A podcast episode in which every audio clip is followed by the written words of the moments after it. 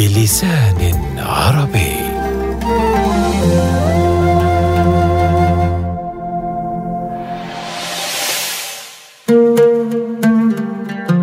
وصية للصائمين. ها هو إذا رمضان. شهر الخير والبركة قد حل. فإذا أردتم أن تصوموا حقا فصوموا فيه عن الأحقاد والمآثم والشرور. كفوا لسانكم فيه عن اللغو وغضوا فيه أبصاركم عن الحرام. واعلموا أن من الصائمين من ليس له من صيامه إلا الجوع والعطش. ذلك الذي يترك الطعام ويأكل بالغيبة لحوم إخوانه ويكف عن الشراب ولكنه لا يكف عن الكذب والغش والعدوان على الناس. ولقد سأل الرسول صلى الله عليه وسلم أصحابه من المفلس؟ قالوا المفلس فينا من لا مال له ولا درهم. قال المفلس من يأتي يوم القيامة بصلاة وصيام وحسنات ويأتي وقد ضرب هذا وشتم هذا وأكل مال هذا. فيأخذ هذا من حسناته وهذا من حسناته فلا يبقى له شيء. يا أيها الصائمون إن رمضان شهر الحب والوئام فكونوا فيه أوسع صدرا وأندى لسانا وأبعد عن المخاصمة والشر.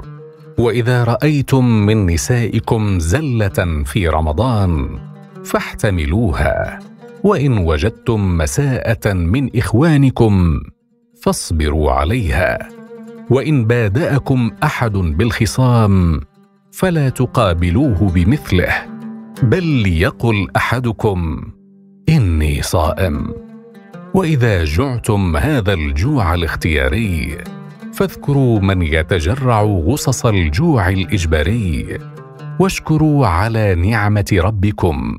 وليس الشكر أن ترددوا ألف مرة باللسان وحده. الحمد لله الحمد لله. ولكن شكر الغني البذل للفقراء وشكر القوي إسعاد الضعفاء. وأعطوا من أنفسكم كما تعطون من أموالكم.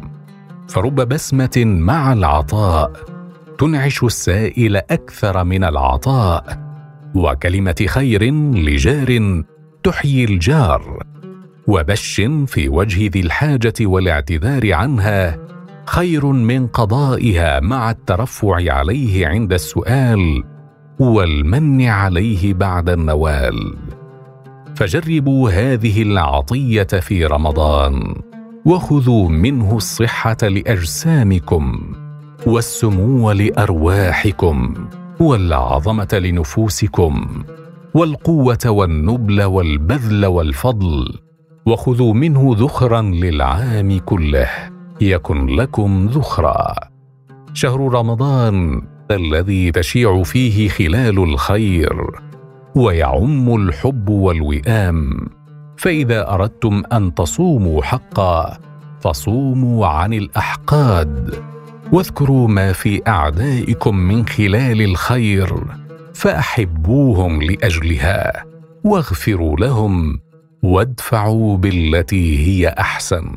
فإذا الذي بينكم وبينه عداوة كأنه ولي حميم.